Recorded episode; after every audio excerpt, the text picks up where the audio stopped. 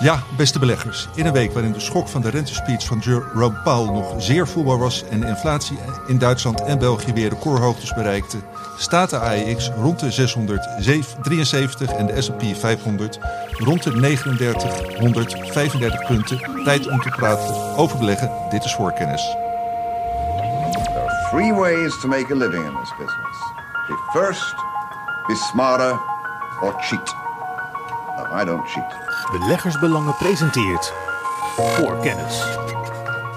Ja, beste beleggers, leuk dat jullie weer luisteren. Uh, ik mag weer uh, als zijnde Johan Brinkman de presentator zijn vandaag. En uh, collega's Menno van Hoven en Stefan Hendricks die zitten hier bij mij in de studio. de zomer is voorbij, dus de podcast heeft weer de gebruikelijke opzet met twee hoofdonderwerpen. Dat zijn dit keer de ontwikkelingen in het Verenigd Koninkrijk en de interessante Britse aandelen. En de tops en flops uit de twee voorbeeldportefeuilles die Stefan en Menno uh, beheren, namelijk de hoogdividend en de dividendportefeuille. Maar we beginnen zoals gebruikelijk met terugkijken op de afgelopen week. En dan begin ik bij jou, Stefan. Wat is jou uh, de afgelopen week het meest opgevallen?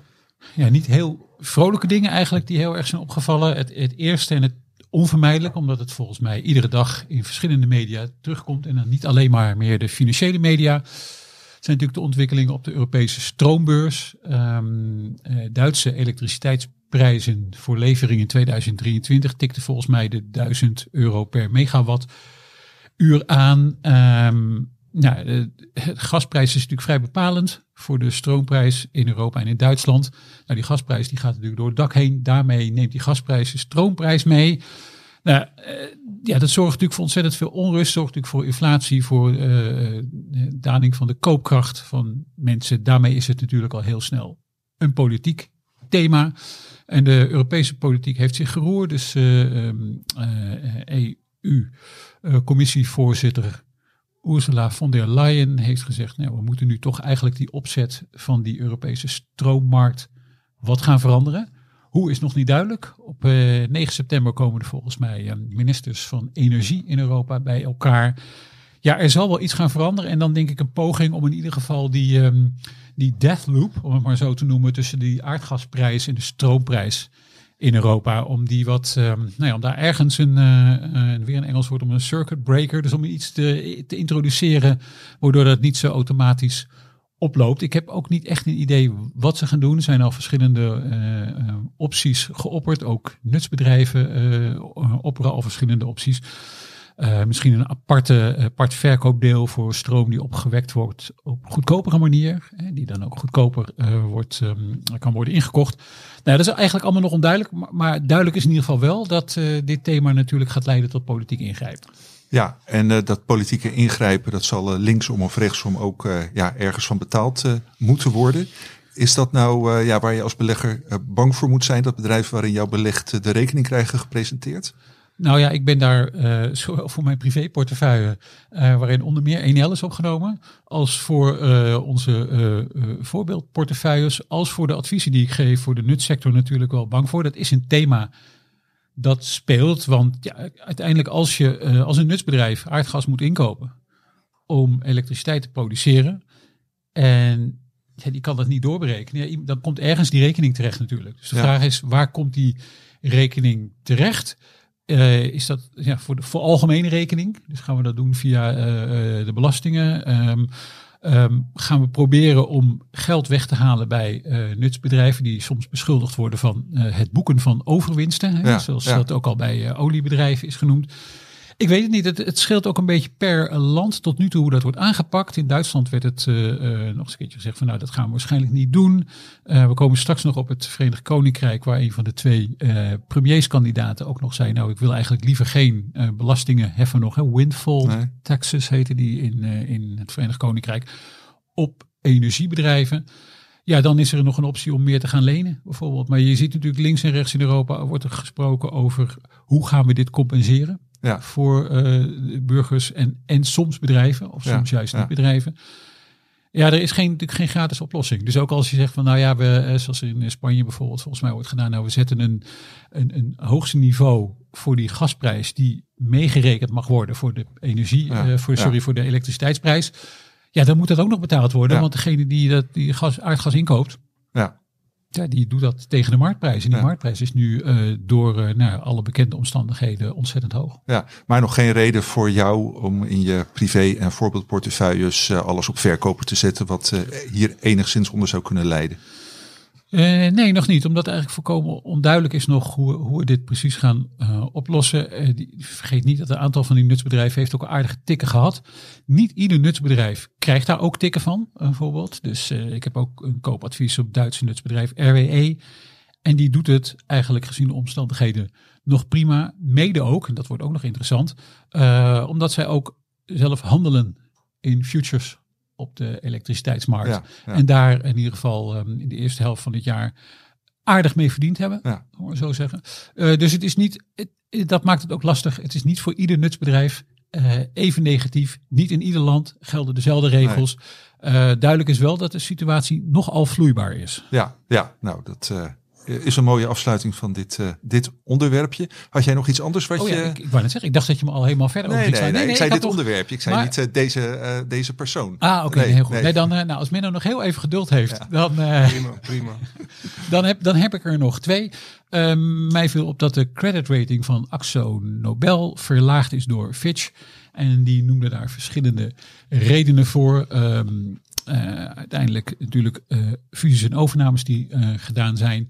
Aandelen inkoop en waarschijnlijk ook wat druk op de marges. Ja. Eh, waardoor de credit rating ging van triple B plus naar triple B. Dat is misschien allemaal geen drama. Als je wat verder leest, vind ik het wel interessant om de veronderstellingen te zien op basis waarvan Fitch, dus deze kredietbeoordelaar, heeft gezegd: Nou, we zetten de, de outlook voor die credit rating. Dus wat we verwachten, zetten we op, ehm, eh, op neutraal. Dus het is, we zijn daar niet heel erg zorgwekkend. Er zitten wel een aantal veronderstellingen. eh, liggen daar aan ten grondslag. Onder andere bijvoorbeeld over de inkoop van eigen aandelen. Dus die, daar gaat Fitch ervan uit dat Axo Nobel dit jaar geloof ik voor zeg maar kleine 660 miljoen inkoopt. Maar dan volgend jaar niet inkoopt. En dit Oké. jaar erop maar voor 200 miljoen euro inkoopt. Ja. Dus dat is denk ik wel iets om, eh, om rekening mee te houden.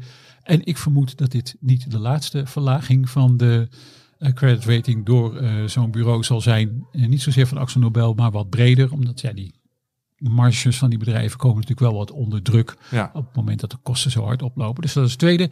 En het derde, om dat kort af te sluiten, ook niet echt een heel vrolijk verhaal helaas.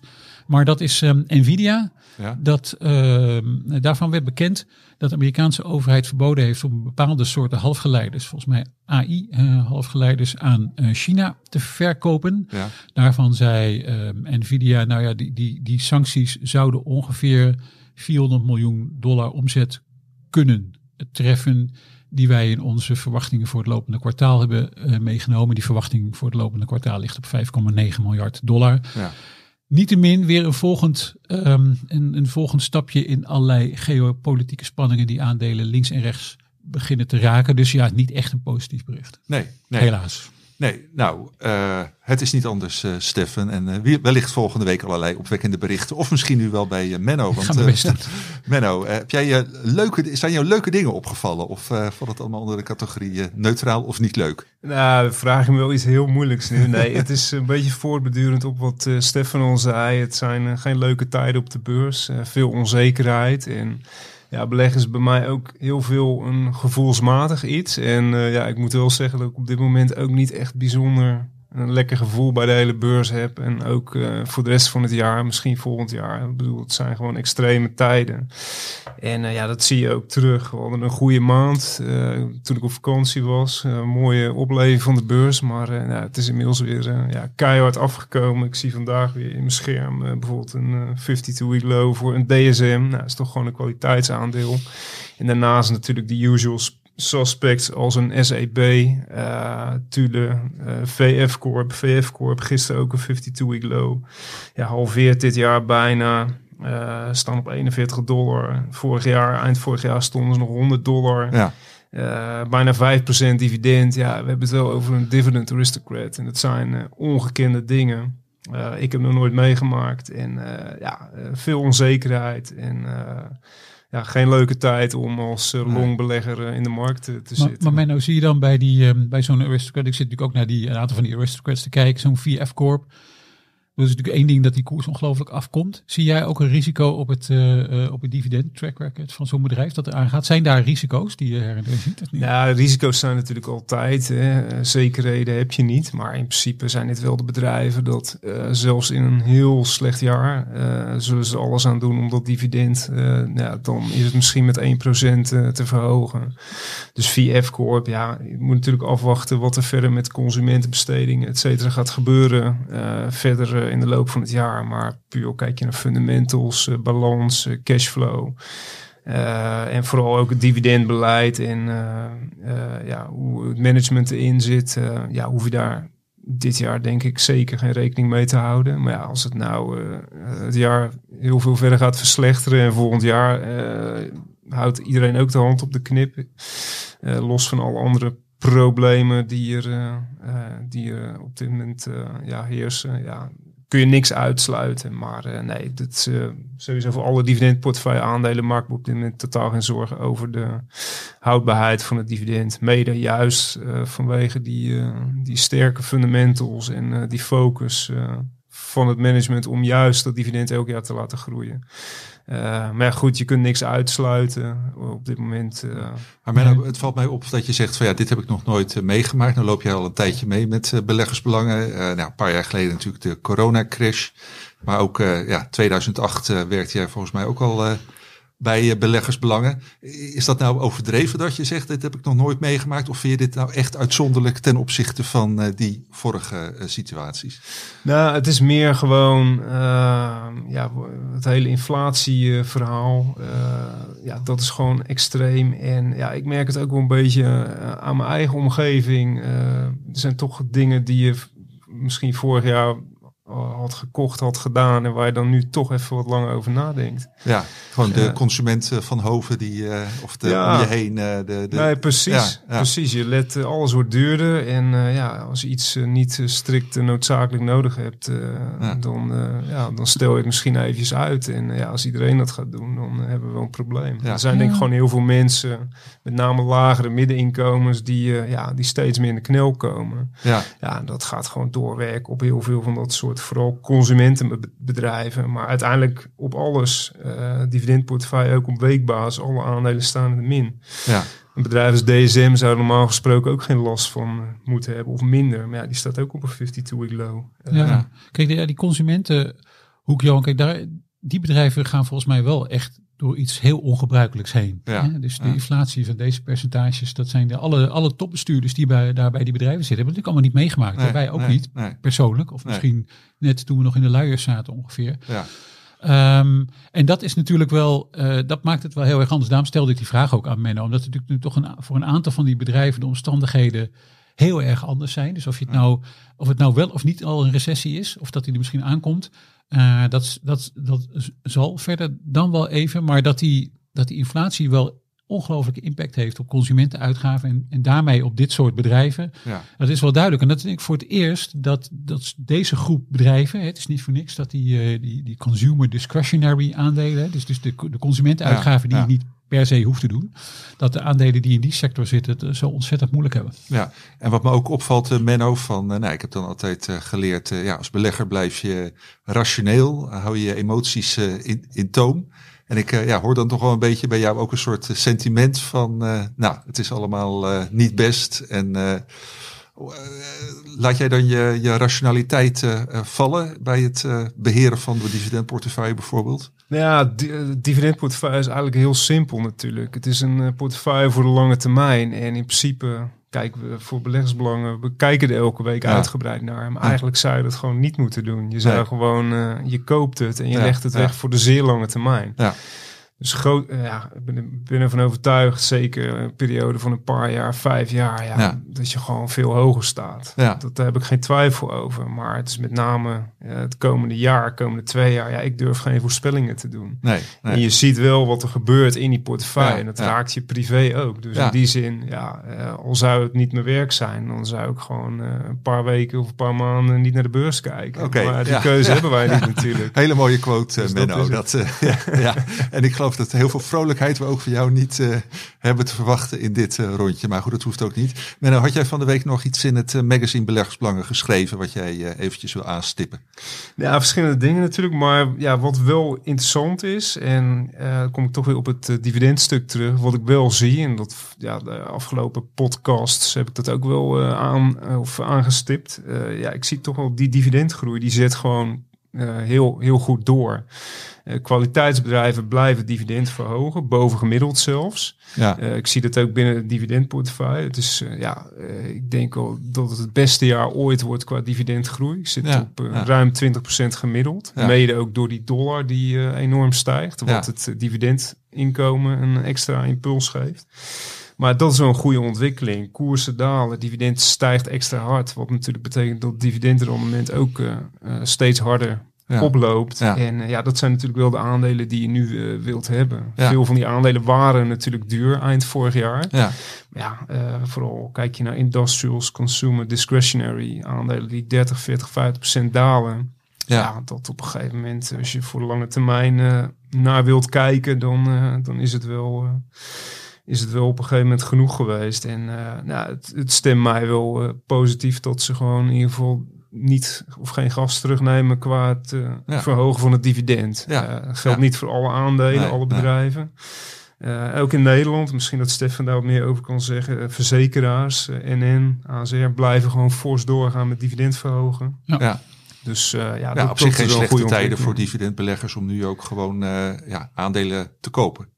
Ja, uh, combinatie van dividendgroei en hoog of hoogte van dividend ontwikkelt zich gewoon heel positief. dus in die zin uh, ja, staat uh, staan de signalen of de sign op groen. Nou, toch een, een positieve noot. Hartstikke mooi. Ja. En Stefan, wil jij iets uitleggen, uitlichten waarover je hebt geschreven in het magazine van deze week? Nou ja, ook wel iets uitleggen. Als het, ja, nee, dat is, doe dat dan gelijk in één stuk door. Ook geen probleem. ja. Um, nou, misschien iets over de, de wekelijkse column die ik schrijf, Beurs en Economie. Uh, waar uh, ik dit keer, zoals je weet, volg ik ook altijd met bovengemiddelde interesse de uh, obligatiemarkt en dan ook heel veel de bedrijfsobligatiemarkt. Daar zie je het effectief rendement op solide bedrijfsobligaties. Dus obligaties waarvan je mag verwachten dat de bedrijven netjes aan de couponverplichting voldoen en dat je ook netjes je hoofdsom terugkrijgt dat daar het effectief rendement echt heel erg hard oploopt en uh, echt hard in de richting gaat. Of al bijna het dividendrendement op Europese aandelen heeft bijgehaald. Wat dan de vraag oproept, zijn dan die solide bedrijfsobligaties misschien weer een alternatief voor hoogdividendaandelen voor inkomensbeleggers? Uh, en die vraag antwoord, beantwoord ik in dat artikel. Oké, nou dan uh, gaan we dat lezen, abonnees en, en niet-abonnees probeer eens uh, achter een, uh, een, een, een, magazine te komen. Voor kennis. Ja, gaan we naar het eerste hoofdonderwerp en dat is het Verenigd Koninkrijk. Um, daar gebeurt van alles, zowel op aandelengebied, maar ook ja, macro-economisch, trouwens ook, ook politiek. En nou, Menno en Steffen die hebben daar wat over voorbereid. En nou, Steffen, aan jou om dat in te leiden. Ja, misschien om dan maar even met het macrobeeld te beginnen. Want zo kwam ik er eigenlijk op dat de, en dat is altijd een, een, een indicatie eigenlijk voor wat er los is in het land. In dit geval uh, heb ik gekeken naar de Britse tienjaarsrente en die loopt hard op. Dus die is in een maand met um, uh, bijna 104 basispunten, dus ruim 1 procentpunt gestegen tot 2,84 procent. Dus even ter vergelijking, dat is sneller dan de stijgingen van de afgelopen maand in bijvoorbeeld Duitsland, Frankrijk en Nederland, waar de lange rente, dus die tienjaarsrente, ook al heel erg hard opliep. Nou, pond gaat dan natuurlijk allemaal verder onderuit ten opzichte van de dollar. Nou is het pond niet het enige, want ook de euro en de yen en nog een aantal andere valuta's gaan hard onderuit ten opzichte van de dollar. Maar in ieder geval, pond kan zich ook daar niet aan onttrekken. Um, ja, problematiek is natuurlijk herkenbaar, denk ik, in Europa. Dus je hebt een, uh, ook in het Verenigd Koninkrijk uiteraard te maken met hele hoge inflatie en sterk oplopende uh, energieprijzen. En daarbovenop komt dan natuurlijk ook nog eens een zekere politieke onrust, onzekerheid. Namelijk wie gaat Boris Johnson opvolgen? Dat wordt volgens mij bekend op 5 september. Een van de twee kandidaten en degene die nu favoriet is, is Liz Truss. Um, zij sloot verdere uh, belastingverhogingen uit, wil ook geen windfall tax heffen, zoals we het al eerder hebben besproken, op uh, oliebedrijven en nutsbedrijven. Maar wil natuurlijk ook wel iets doen Ja. voor de Britse huishoudens, die echt een ongekende, is nog harder dan in, in Nederland, maar echt ongekende klappen krijgen in koopkracht. Ja, dan is de vraag, hoe ga je dat doen? Nou, een van de manieren is natuurlijk door meer te gaan lenen. Ja, ja. Meer te gaan lenen is meestal niet een, een teken op de obligatiemarkt dat men ontzettend blij is. Nee, Ehm, Een, een voormalig topbestuurder van de Bank of England zei ook al van, nou ja, beleggers gaan in toenemende mate die Britse activa als heel risicovol zien. Eh, ja, en dat wordt dan altijd verdisconteerd in de prijs. ja, ja. Eh, en in dit geval dus in de prijs van het pond en de prijs van de tienjarige staatsobligaties, waar je dat heel erg eh, eh, duidelijk ziet. Opmerkelijk genoeg dan, of misschien niet opmerkelijk, en daar komen we dan straks met eh eh, Menno nog wel op, valt dat voor de belangrijkste Britse beursindex nog best mee. ja, Dus ja. de eh FTSE 100, ja, die staat in ponden volgens mij nou ruim 2%, 2-3% in de min. En in euro's nog ietsje meer, geloof ik, rond de 5%. Maar ja, dat, dat zijn geen eh, minnen die heel erg eh, beroerd afsteken Nee. tegen de rest van Europa. Integendeel, het zijn eh, minnen die juist heel erg positief Ja. afsteken tegen de rest van ehm, Europa. Heeft deels denk ik ook wel te maken met de sectorsamenstelling. Eh dus de FTSE 100 die wordt echt gedomineerd door sectoren als healthcare. En dan hebben we het met name over grote farmaceuten. Hè? Dus AstraZeneca en GlaxoSmithKline. Eh die zijn eh, meer dan eh 13,5% van de index. Dan heb ik olie en gas. Hè, met BP en eh, Shell, wat natuurlijk nu echt een Brits bedrijf Ja. is. Eh, ook meer dan 12%. En dan hebben we natuurlijk ook nog mijnbouw. Wat erin zit via onder andere eh, Glencore. Ja, dat dempt allemaal een beetje ten opzichte van ehm, ja, bijvoorbeeld een, een Duitse beurs. Maar ook een Nederlandse beurs. Waar natuurlijk een, eh, een bedrijf als ASML altijd leidend is geweest ja. in de weg omhoog. Ja, en dan nu ook leidend eh, met eh EI en eh, IJ in de weg omlaag. Ja, ja, helder. Oké, en eh, ja, ik vind een heel voor de hand liggende vraag eh, dan altijd is van in hoeverre eh, speelt de brexit hierbij een rol dat het in Engeland de, de crisis in ieder geval voor de, de man en vrouw in de straat toch nog iets erger lijkt, althans dan, eh, dan in Nederland en Duitsland of België? Ja, ik denk misschien dat, dat Brexit ergens wel een rol speelt. Kijk, die, die energieprijzen en hoe je die doorberekent. Dus wat voor prijsstijgingen nutsbedrijven aan hun eindgebruikers mogen doorberekenen. Dat is een politieke keuze die verschilt per land. Eh, in Frankrijk worden er bijvoorbeeld gewoon echt wordt een, een, een prijsbeperking opgelegd. Nou ja, dan zie je dat eh, bedrijven als EDF het onvoorstelbaar moeilijk hebben en weer genationaliseerd moeten worden. Daarvan zou je kunnen zeggen, is misschien wat meer een Franse oplossing. Misschien wat meer een Anglo-Saxische oplossing. Is ja, om te zeggen, nou ja, die prijsverhogingen zijn wat ze zijn. Dus die moet je dan maar betalen ja. Als, eh, als eindgebruiker. En dat is niet echt een Brexit gerelateerd iets. Eh, de ontwikkeling, de recente ontwikkeling in ieder geval van de pond, lijkt mij ook niet echt een, eh, een Brexit gerelateerd iets. Wat je wel zou kunnen zeggen is dat natuurlijk de, misschien de hele politieke constellatie in het Verenigd Koninkrijk nu, ehm, dat dat, ja, dat heeft natuurlijk wel een Brexit component. Eh, Ja. Want de, de huidige premier, nou hij is nog heel eventjes premier, is natuurlijk op, op een soort Brexit ticket Ja. gekozen. Ja. Eh, is niet, misschien niet gesneuveld op dat Brexit-ticket, maar goed, dat heeft, eh, hij is daardoor wel gekomen. Daardoor zitten we nu met deze potentiële opvolgers die iets moeten gaan verzinnen. Maar ehm, waar ik het over heb, dat, dat recente deel, eh, dat is geen, in mijn optiek in ieder geval, geen specifiek Brexit Nee, iets. nee. En eh, nou eh, praten we natuurlijk als beleggers heel veel over wat in de Verenigde Staten de Fed doet en wat in, in Frankfurt de ECB doet of gaat doen. Welke rol speelt de Bank of, Engl Bank of England in dit verhaal? En als je de Britse pers leest, dan, dan heerst daar een beetje het sentiment dat de Bank of England, nou ja, feitelijk net zoals de ECB en de Federal Reserve, wel wat laat is geweest met het op de rem trappen, op de monetaire rem trappen, oftewel het eh, verhogen van de rente. Eh, men vindt, eh, als je nou, nogmaals een aantal, ik lees een flink aantal Britse kranten, ja, waar, dan, waar men dan zelfs in het Verenigd Koninkrijk nog vindt dat de Bank of England nog beroerder afsteekt, ook ten opzichte van de ECB en de Federal Reserve.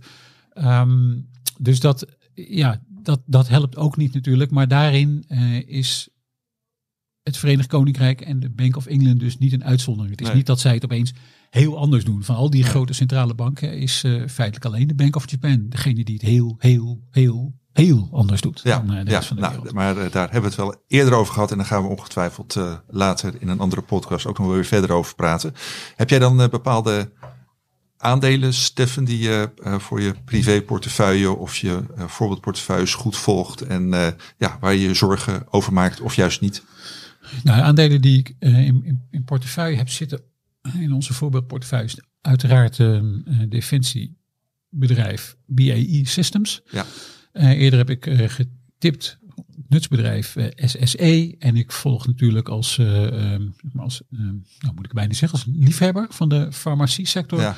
Natuurlijk met bovengemiddelde interesse, zowel AstraZeneca als uh, GlaxoSmithKline. Dus, dus dat zijn de grote aandelen die ik volg. En tegelijkertijd vind ik het ook erg interessant wat er in de mijnbouwsector gebeurt. Dus dat zijn bedrijven die gigantische dividenden hebben uitgekeerd. Waarvan ook de vraag is hoe houdbaar dat is en wat voor strategie die bedrijven hebben. Dus eh, er zijn een, eh, een boel bedrijven te volgen. Ja, ja. En eh, overigens hebben wij eh, eh, vorige maand, moet ik zeggen, in eh, augustus een eh, artikel gepubliceerd in Beleggersbelangen met eh, Britse aandelentips. Dus die, die zal ik bij de show notes laten zetten. Ja, dan moeten we misschien over een van die tips, Johan, toch nog wel kort iets zeggen. Oké. Eh, een van die tips was een industrieel softwareproducent Aviva. Oké, Ehm, eh, destijds inderdaad getipt. Ja. Destijds, klinkt het heel lang geleden Paar weken Een paar weken geleden. Ehm, en daar gingen toen al snel de geruchten dat groot aandeelhouder Schneider Electric, Ja. klinkt niet echt Frans, is het wel.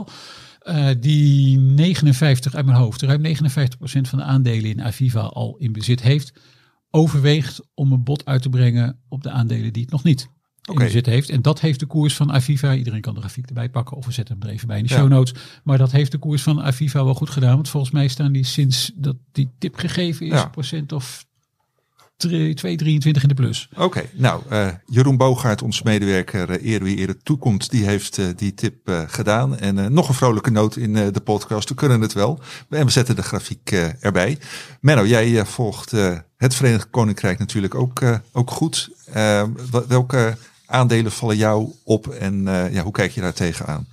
Ja, nee, ik ben natuurlijk ook de FTSE 100 eh, ingedoken. Eh, wat Stefan al zei, eh, ja, heel erg gedomineerd door bepaalde sectoren die voor mij als eh dividendgroeibelegger ja, toch minder interessant zijn.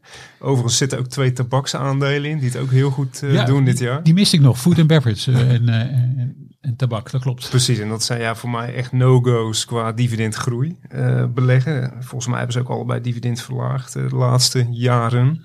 Eh, Altria en de VS gaat allicht nog een keer volgen, alhoewel ze net het dividend wel bevoogd, maar nu dwaal ik af. Ja, Eh, nou, wat mij opvalt, FTSE 100, eh, sowieso eh, hoog gemiddeld dividendrendement, 3,9%. Maar dat past ook helemaal bij die aandelen die daar een zware weging in hebben. Ja, en de dividendportefeuille heb ik eigenlijk één aandeel. Dat is eh, Diageo, eh, producent van sterke dranken. Kom ik zo nog wat eh, meer op terug. Ja, gewoon een voorspelbare dividendgroei. Eh, geen goedkoop aandeel, maar wel een heel mooi aandeel voor de lange termijn. Eerder had ik een positie in Reckitt Benckiser, Whitbread zijn opgesplitst. Tesco verlaagde daarna ook het dividend. Dus ik heb wel her en der posities gehad in, ehm, in het Verenigd Koninkrijk. Maar ja, het is voor mij het kiezen tussen twee kwaden. Of je hebt hele dure, mooie dividendaandelen. ja. Eh, ja, of gewoon sectoren ja, die niet geschikt zijn voor eh, een dividendgroeiportefeuille, wat mij betreft. Eh, het is wel een gebied waar ik naar de toekomst toe meer naar wil kijken nog. Net als Zwitserland overigens. ja. UK heeft ook flink wat dividend aristocrats, maar dat zijn ja, toch de meer, minder bekende, kleinere namen. Eh, ik heb gekeken naar de grootste stijgers eh, dit jaar. Nou, Shell, Stefan noemde het ook al. BAE eh, zit natuurlijk in de hoge dividendportefeuille. Een andere opvallende stijger dit jaar is Pearson. ook 41 procent. Uitgever. Ja, Ja. precies. Ze zijn inderdaad, de e- educatiemarkt richten ze zich op met onder meer virtual schools. Eh, dividend zit daar aan de lift, omzet groeit mooi. Waardering, koerswinstverhouding van 18, 2,4% dividend. Dividend groeit weer. Weer. Ja, Dus eh, ja, er is een hoop gebeurd daar. Misschien dat Stefan daar nog een toevoeging eh ja op wil geven. kan je nog wel een heel boek over schrijven. Dat Piers natuurlijk ooit eigenaar was van... Z- Zat het niet ooit in een van de voorbeeldportefeuilles? Nou, we hebben het ooit wel getipt volgens mij vanwege het. het was natuurlijk ook een, een soort klassieke schoolboek Ja. uitgever. Natuurlijk helemaal rechts ingehaald door digitalisering van die hele educatieve markt. En vervolgens hebben ze, waar ze in het Verenigd Koninkrijk nog best wel een beetje boos over zijn, al wat men dan noemt het tafelzilver verkocht. Dus uh, ze waren eigenaar van Madame Tussauds onder andere. Ze hadden een belang in Lazare, als ik me niet vergis. En natuurlijk, uh, ja, een beetje toch een Brits instituut. De Financial Times ja. uh, was ook ooit van Pearson en dat is nu in Japanse handen. Ja. Yes, ja, nee, nee, precies. Dus van, de, is... van de Nikkei toch? Uh, ja, van de Nikkei groep, ja, zeker. Nou, kijk hier. nee, dus Pearson is, is wel een opvallende stijger dit jaar. Uh, tussen alle, alle dalers, uh, vooral elders in Europa. Ja, ja. er zijn natuurlijk ook een hoop dalers. En ja, dat zijn eigenlijk wel de te verwachten namen. Vaak ook wel minder bekende namen. Uh, grootste daler binnen de FTSE 100 is uh, Ocado. Uh, verliest 60% bijna dit jaar. Dat is een online supermarkt. Was de afgelopen jaren een enorme uitblinker. Eigenlijk in lijn met de e-commerce sector. Ja, en wat je gewoon eigenlijk wereldwijd ziet, is dat al die e-commerce aandelen die gaan helemaal stuk. En de meeste daarvan die maken ook gewoon nog verliezen. Dat Ocado, dat maakt geen winst en gaat dat de komende jaren ook niet doen. Het is alleen maar investeren. Ja, nou kijk ik dan naar de verwachting. Is dat dan een combinatie van dat consumenten minder online kopen? Plus dat die bedrijven, ja, in tegenstelling tot, uh, tot uh, fysieke supermarkten, zeg maar, gewoon ja, hun financiële positie niet zo goed is. Dat, ze, dat ja, ik, ik, ik, denk dat het een beetje te vergelijken is met uh, wat je ziet bij Just Eat Takeaway. dat is een enorme spike geweest ja. tijdens corona. En ja, het zijn niet de financieel vaak niet de meest solide bedrijven die nog geen winst maken. Volgens nee. mij maakt Just Eat Takeaway ook nog steeds geen winst. Nee, nee ja, dan uh, in zo'n markt. Uh, dan, ja. uh, maar Just Eat heeft toch ook een notering in Londen? Tenminste, ja, dat is toch. Just Eat was Brits. Ja, Takeaway.com. ja, was, ja. was in Nederlands. Ja. Maar, ja, maar die, die staat nu niet bij de stijgers. Of, nee, sowieso niet bij de stijgers, maar bij de dalers dit jaar. Hij zit volgens mij niet in de FTSE 100. Of misschien zeg ik nu iets heel. nee. Als ik nou, snel goed, doorheen scroll, zie ik hem er niet nee, tussen nee, staan. Nou, in ieder geval niet bij de alleen, grootste dalers, anders was je hem wel, wel Precies. Anders had Ja, hij inderdaad al tussen gestaan. Ja, nog een grote daler is uh, Persimmon, een huizenbouwer. En uh, ja, hij viel me vooral op omdat het dividendrendement 16% is. Ja, ja. Dat is weer zo'n typisch voorbeeld van uh, op papier een hoog dividendrendement. Maar de kans dat ze dat gaan handhaven is, is heel klein natuurlijk, zeker naar de toekomst toe. Ja. Uh, ja, bouwbedrijf heeft te maken met uh, hogere bouwkosten, personeelstekorten, supply chain issues, uh, lagere volumes, Ja. minder huizen worden gebouwd. Ja. Dus ja, heel herkenbaar. En dat zijn aandelen die het heel slecht doen. Uh, nog eentje. Ja, je had het over personeelstekort, wat mij eh, opviel uit eh, cijfers eh, laatst. Het is een, eh, in zekere zin is het crisis in Engeland, maar bijvoorbeeld de, de arbeidsmarkt is ongeveer hetzelfde volgens mij als in Nederland. Ook gewoon met eh, ja, tekorten aan, eh, aan mensen en eh, ja, werkloosheid die eh, ondanks eh, tegenslagen niet wil, wil oplopen. Ja, dat, dat klopt. Maar je ziet natuurlijk wel dat overal staan de, de reële inkomens onder druk. Ja, En dat is natuurlijk wat telt. Het is uiteindelijk wat je, je geeft natuurlijk je geld uit in, in, in de winkels. Op het moment dat de, daar de prijzen als een dolle omhoog vliegen. En dat Ja. doen ze in het Ja. Verenigd Koninkrijk ook. Ja, dan is het consumentensentiment natuurlijk slecht. Nou, Ja. Dat zien we ook overal. En dan, ja, daar leiden op een gegeven moment ook Ja. onder. En dan Ja. kan de werkloosheid misschien wel laag zijn. Maar het betekent ook, denk ik wel... Ja, Menno noemde dat zelf ook, vind ik best wel treffend. Dat het ook wel... eh, je gaat op je uitgaven letten. Ja, Dus- en ja. ik, ik sluit ook helemaal niet uit dat een groepen mensen ook gewoon gaan denken... Ja, ik moet natuurlijk wel mijn eh, baan zien te houden. Dus misschien moet ik ook nog wel een buffertje aanleggen. Ja, Wat dus nog, ja. een, nog een versterkend ja. effect daarbovenop heeft. Dus ehm, in dat opzicht verbaast het niet zo. Nee, nee. Ja, een, Sorry, eh, nee, dat, goede toevoeging. Eh, een andere grote daal is JD Sports Fashion. Eh, ze zijn ook eh, ja, bijvoorbeeld in Nederland actief. Het is een soort Europese Ja. tegenhanger van Footlocker. Ja, de, ja. De, de, de, ja, de, de, de sportkleding, schoenen, winkels. En eh, ja, als je dan ook zo'n JD Sport ziet, wat eigenlijk gewoon een prima dividendaandeel is, eh, die noteren op dit moment tegen een KW van 9. Ja. Eh, ja, ik zie hetzelfde bij een VF, maar ook aandelen als Nike, Adidas, ja, die dalen dit jaar gewoon tussen de 30 en de 50 procent. Ja, En dat zijn echt wel kwaliteitsaandelen, Ja. alleen eh, ja, die gaan dit jaar ja, compleet door het putje. ja, maar heb jij dan dit soort aandelen op jouw watchlist voor de komende tijd om bijvoorbeeld aan de dividendportefeuille toe te voegen? Nou ja, ik zit natuurlijk al met een positie in eh, VF. Ja, Eh, ja. Ik heb nog wat andere, eh, wel andere qua activiteiten, andere, maar het zijn wel raakvlakken, bijvoorbeeld Tule. Ja, dat vind ik eigenlijk meer dan genoeg op dit moment. Dan zie je hoe hard het gaat. Had ik natuurlijk nooit verwacht. Ik heb nog steeds vertrouwen in die aandelen voor de lange termijn, maar het moet ook weer niet te veel naar één eh, hoek Nee, toe nee. gaan.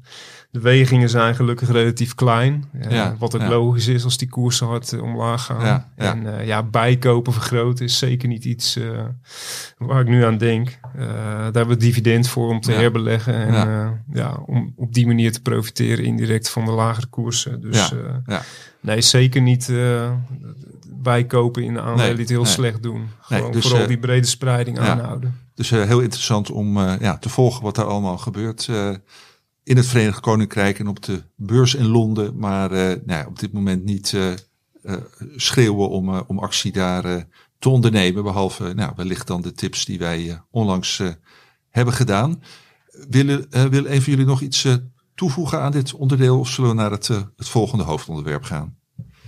Ik Nou- zie eh, Menno en Stefan elkaar aankijken. En Menno die eh, wil nog wat zeggen. Ja, nee, ik, misschien heb ik me te uitvoerig voorbereid dan hoor. Maar ik, ik heb nog een paar aandelen waar Nee, ik eh, noem ze. Van, eh, verder op in wilde, in wilde zoomen. ja, ja. Wat me sowieso opvalt, ook Burberry, dat is dan zo'n aandeel, ook retail. Ja. Maar die doen het juist dan weer wel relatief goed. Wat je eigenlijk ook bij LVMH ziet. Ja. En ja, dat is toch weer het verhaal, mensen met geld, die blijven gewoon kopen. Ja, ja. Totaal geen last van die crisis Nee. of van inflatie lijkt het. Nee. Want een Burberry ja, blijft ook gewoon heel goed liggen, net als eh, LVMH. ja. Koersen bijna onveranderd dit jaar. Ja, dat, dat, dat, eh, is niet te vergelijken met eh, de Nike's, de Adidas en Ja. de VF Corps. Dus dat Ja. is wel vrij bizar.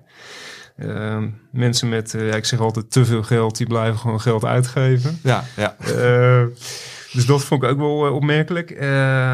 Één, ja, sowieso één aandeel wat ik graag nog wil toelichten. is een minder bekend aandeel. Smiths Group. Eh, beurswaarde 5,4 miljard. Is een FTSE 100 aandeel. Verliest dit jaar 8%. Eh, ja, ik denk dat het wel een interessant eh, aandeel is. Het is een, omschrijft zichzelf als een technologiebedrijf. Vijf divisies. En ja, ze zijn vooral actief op luchthavens met alle scanapparatuur als eh, grootste fabrikant van sensoren voor de detectie van explosieve wapens en eh, smokkelwaar. ja. Dus als je incheckt en je, Ja. waar je bagage doorheen gaat, nou, Ja. de kans is groot dat dat eh, via Smiths Group eh, Ja, ja. gaat, via de, de detection eh, divisie. Eh, nou, John Crane hoort ook bij dit bedrijf. Het is een fabrikant van eh, afdichtingen en aanvallende producten voor de, de procesindustrie. Dus ja, heel mooi breed gespreid industrieel eh, bedrijf. Techbedrijven noemen ze zich, eh, zichzelf. En eh 52% van de omzet afkomstig uit de VS. En ja, vooral die detection tak, die profiteert van de groeiende luchtvaartmarkt. ja, die Ja. nu natuurlijk weer kan herstellen. ja.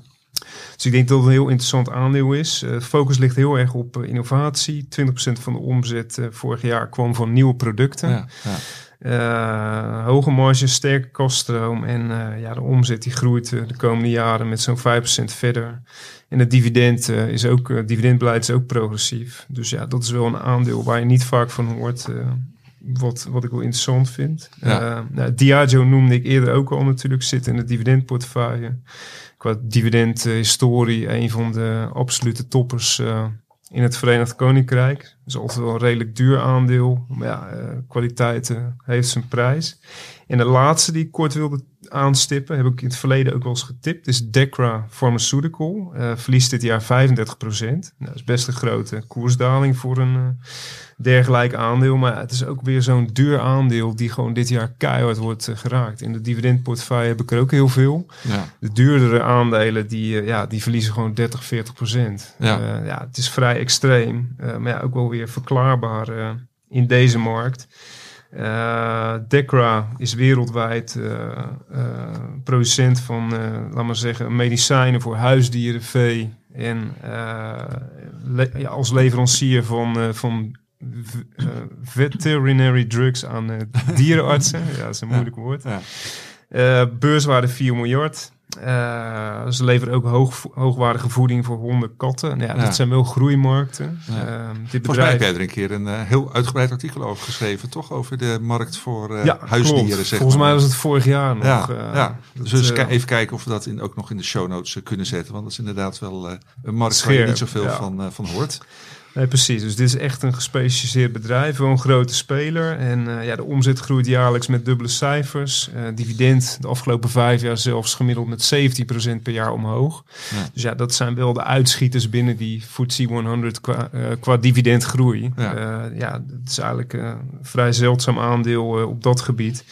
Eh dividendrendement is relatief laag, nog met 1,2%. Maar ja, dat past ook wel bij die sterke dividendgroei. Ja, En eh, ja, dit bedrijf heeft een sterke balans, eh, doen jaarlijks acquisities. En eh, ja, ook analisten zijn heel positief met geen verkoopadviezen en eigenlijk alleen maar koopadviezen. ja. Ja, zo'n aandeel daalt ook 35% dit Ja, jaar. Dus ja. Dus ja, eh, genoeg om eh, in de gaten te houden eh, op de beurs in Londen. zeker. En eh, op het moment dat wij eh, ja, vinden dat een van de genoemde aandelen koopwaardig is, dan gaan we ze natuurlijk eh, tippen. Maar eh, ja, goed om daar alvast op voorbereid te zijn. Voorkennis. Ja, tweede hoofdonderwerp nou, sluit eh, eigenlijk wel aan bij het eerste. Eh, namelijk eh, ja, aandelen die het eh, heel goed doen dit jaar, of althans zeker goed blijven liggen. En aandelen die eh, echt eh, totaal door het putje gaan. En nou, Stefan en Menno die hebben samen het beheer over twee dividendportefeuilles. Eh, Stefan de hoofdbeheerder van de hoogdividendportefeuille, maar ook zeker gebruikmakend van de kennis van Menno. En andersom, Menno de dividendportefeuille hoofdbeheerder en Stefan die hem daarin bijstaat. Eh ja, beide portefeuilles, eh, eh, u hoorde het al, die kennen ook dit jaar ja, aandelen die het echt heel goed, goed doen, maar ook aandelen die jammerlijk falen. En ze hebben van beide voorbeelden. Menno, mag ik bij jou beginnen met de dividendportefeuille? Wat zijn daarin de tops en de flops? Nou, de, nou, de, de tops, het zijn eigenlijk heel weinig eh, dit jaar. Dat, eh, De relatief tops. Ja, nee, precies. De, de twee grootste winnaars zijn eh, Bristol Myers, de farmaceut. Ja. En, ehm eh, goh, dat is toch uh, podcaststress dit. Eh, de andere is natuurlijk El Ja, defensie ja, je, mag, je mag gerust even op je blaadje kijken. Ja, ja, gelukkig maar. Dus daar ga ik zo wat meer over vertellen. Ik wil eerst even kort kijken naar de grootste achterblijver. Ik Ja. noemde hem al. Dat is eh SEB. Ja. Eh, dat is het bedrijf achter eh Moulinex, Rowenta, Krupp, Stefan. En daarnaast hebben ze ook een tak actief op het gebied van professionele koffiemachines. Ja, Zoals je bij Albert Heijn To Go of volgens mij ook bij de Laplace, als het nog zo heet tegenwoordig, naar binnen loopt. Ik kijk altijd heel erg wat ze hebben staan en dan zie je bijna overal tegenwoordig, vooral die grotere horeca eh, bedrijven, Ja. zie je van die WMF eh, koffiemachines. Nou, Ja. daar zit eh SEB eh, dus ook achter. Hebben ze een paar jaar geleden overgenomen. Voor mij een heel mooi aandeel. familiebedrijf. sinds 1975 beursgenoteerd. Historie gaat veel verder. Terug tot eh, 1857. Eh, China is een belangrijke groeimarkt. En dat is ook ja, een belangrijke reden dat de koers dit jaar zwaar onder druk staat. door de lockdowns. Eh, ja, en natuurlijk ook het hele inflatieverhaal. China is eh, goed voor een kwart van de omzet van SEB. En eh, ja, het interessante is eigenlijk nu, SEB heeft twee, eh, 82% van de aandelen van, als ik goed uitspreek, Zhejiang Supor in handen. En dat is de grootste Ja. producent van kleine huishoudelijke apparaten in China. Dat is Ja, marktleider ja, daar. Ja, nou, je hebt het helemaal goed uitgesproken volgens mij. Mooi zo, mooi. Ja. En de waarde van eh, dat Chinese bedrijf, waar SEB dus groot aandeelhouder in Ja. is, is eh 5,4 miljard dollar. Ja. Nou, we weten allemaal dat dollar-euro ongeveer eh, Ja. evenveel waard is. Terwijl de totale waarde van SEB op de beurs momenteel 4,1 miljard Oké. is. Ja. Dus ja, dat is al eh, zo'n eh, zo'n enorme discount eh, die je dan in dat aandeel eh, hebt. Maar los daarvan, SEB is gewoon een mooi groeibedrijf. Dividend eh, eh, dit jaar naar een nieuw record. Eh, progressief dividendbeleid voeren ze ook. Omzet groeide vorig jaar 16%. Ja, dit jaar is het kiele kiele of ze omzet groeien of misschien licht krimpen. Ja, ja. Maar het gaat bij dit soort bedrijven vooral om de lange termijn. Mooie producten, innovatief, Ja. goede marges. En ja, met een KW van nu 10 en 3,3% dividend, denk ik dat die koersdaling zwaar overtrokken is. En vooral het hele China-verhaal. Ja, dat ja. eh, Dus een absolute, eh. aanwinst voor iedere dividendbelegger op dit moment. Ja, zeker. Ja. Alleen, ik moet daarbij wel zeggen, eh, binnen het dividendportefeuille is nu een hele kleine positie door die koersdaling. Ja, 1,4% weegt het nu. Ja. Dus ja, mocht die koers verder zakken, dan doet het eigenlijk niet veel pijn. Nee. Eh, maar ja, let vooral op die weging. Niet eh, bijkopen. De aandelen die hard dalen, zeg Nee, ik altijd. Want eh, daarmee vraag je om problemen. Dat, eh, just die takeaway op 100, ja, dan 80 kun je bijkopen op 60, op 40. Ja. Maar ja, als ze dan op 20 staan, dan heb je jezelf Ja. met een groot probleem opgezadeld. Dus Ja. koop één keer op het moment dat je erin vertrouwt. En ga niet Nee. down the road bijkopen. Dat zou ik nooit doen. Dus ook niet met SEB. Nee, nee, helder.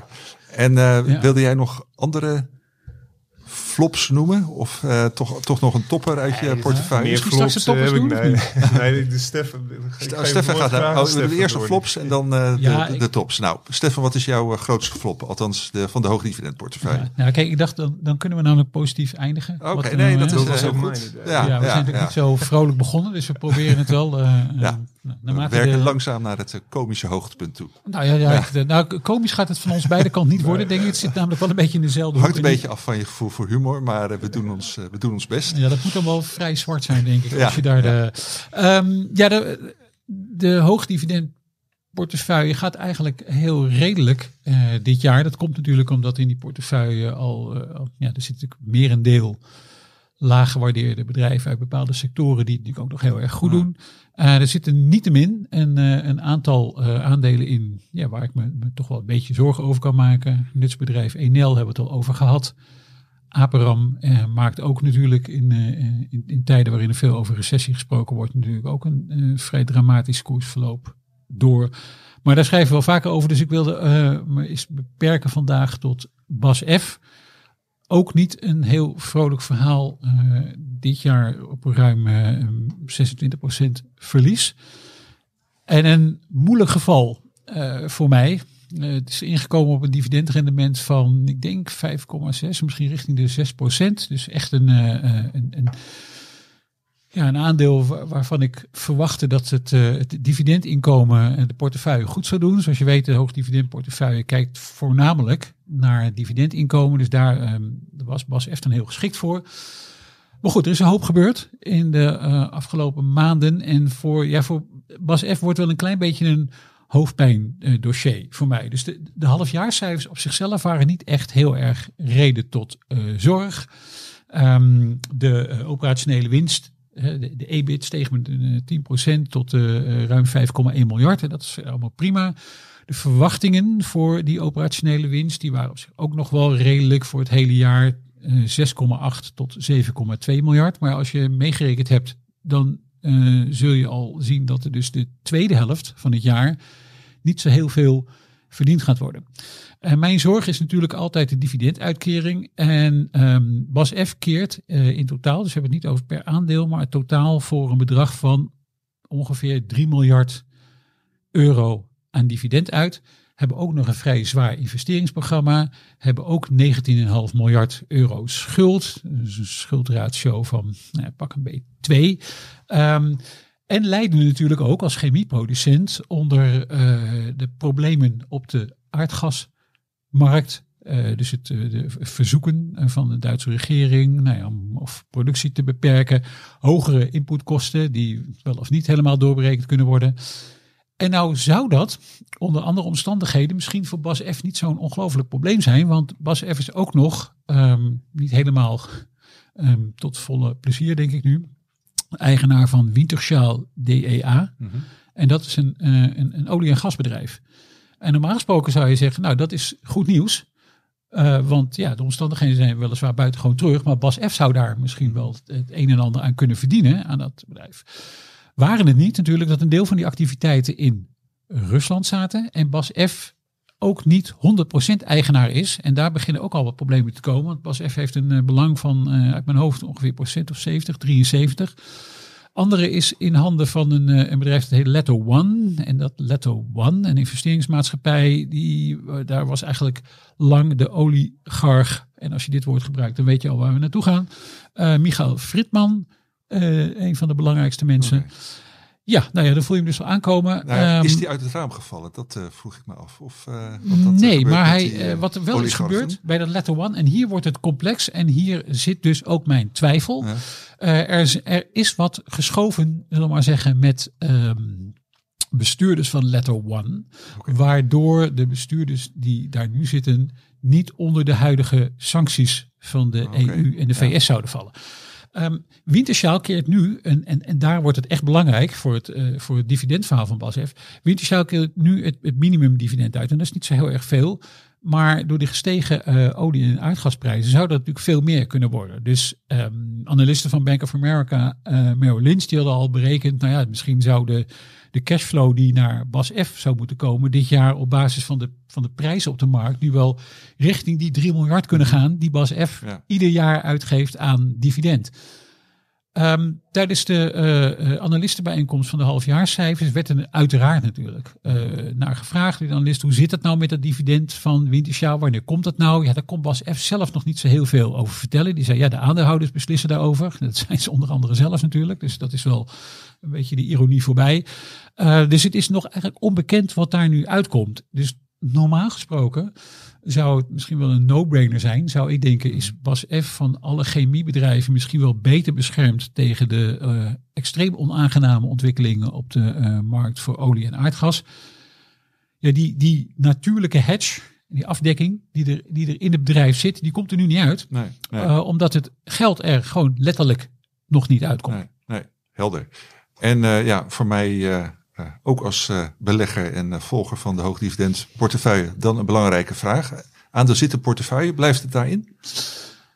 Ja, voor de time being nog wel. Ik, ik heb nog eh, even natuurlijk. Dus Bas F. heeft zijn, ehm, eh, zijn jaarprognoses. ehm, dus de prognoses voor heel 2022 bij de halfjaarcijfers en juli.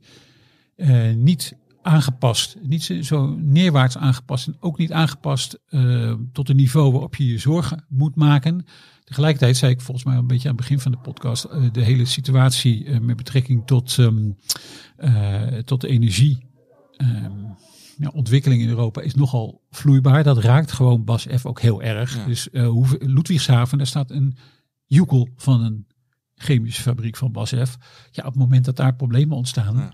Dan heeft Bas F ook problemen in de omzet. Dus het is wel een, het is voor mij een zorgenkindje. Ehm, ze keren één keer per jaar dividend uit. Eh, dus de, de, wat was het, 3,40 euro volgens mij per aandeel, die hebben we al ontvangen. Ja, Dus die is binnen. Nu gaat het er eigenlijk om, kunnen we komend jaar, ja, eh, dus dat is in 2023 Ja, dat het ja. dividend uitgekeerd wordt, kunnen we dat dan weer tegemoet zien?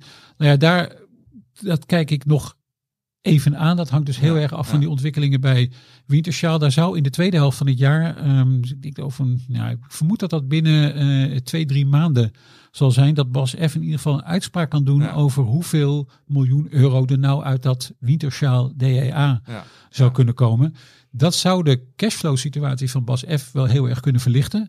Ehm, voorlopig blijft het aandeel er dus in. ja. Ehm, maar ehm, ja, voor wat betreft Bas F, ehm, ja, ik maak me daar altijd, nog altijd wel zorgen over. Ja, ja, helder. Nou, volgens mij eh, gaan we dan nu eh, naar het eh, meer vrolijke gedeelte toe.